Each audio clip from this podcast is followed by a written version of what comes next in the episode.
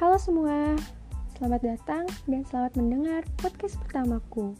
Oh iya, sebelumnya perkenalkan, nama aku Arzati Syafarani dari jurusan PGPAUD Universitas Pendidikan Indonesia.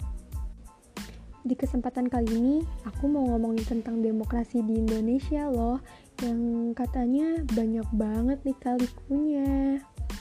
Nah, yuk kita telusuri gimana sih sistem demokrasi di Indonesia sekarang ini?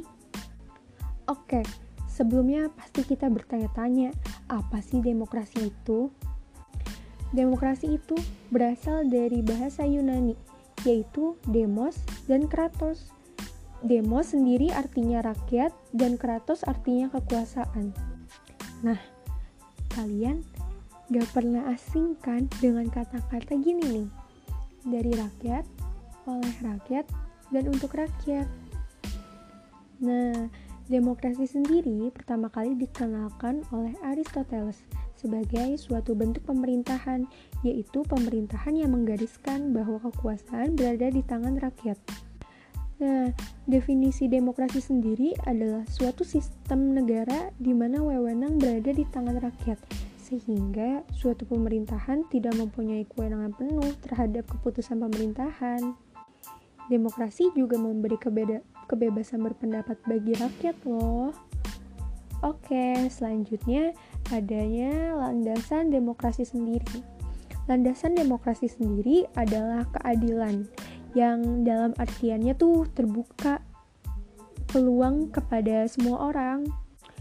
Oke, di sini aku mau kasih tahu nih beberapa ciri demokrasi. Yang pertama, adanya pemilu secara berkesinambungan. Yang kedua, adanya peran-peran kelompok kepentingan, dan yang ketiga, adanya penghargaan atas HAM. Dan masih banyak lagi yang tidak bisa aku sebut.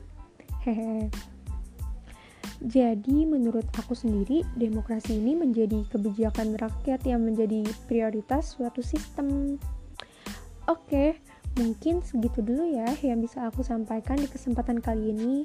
Semoga bisa menambah wawasan dan bermanfaat buat kalian yang yang udah dengar podcast aku. Oh iya, sebelumnya aku minta maaf ya kalau ada salah-salah kata. Ini podcast pertama aku loh.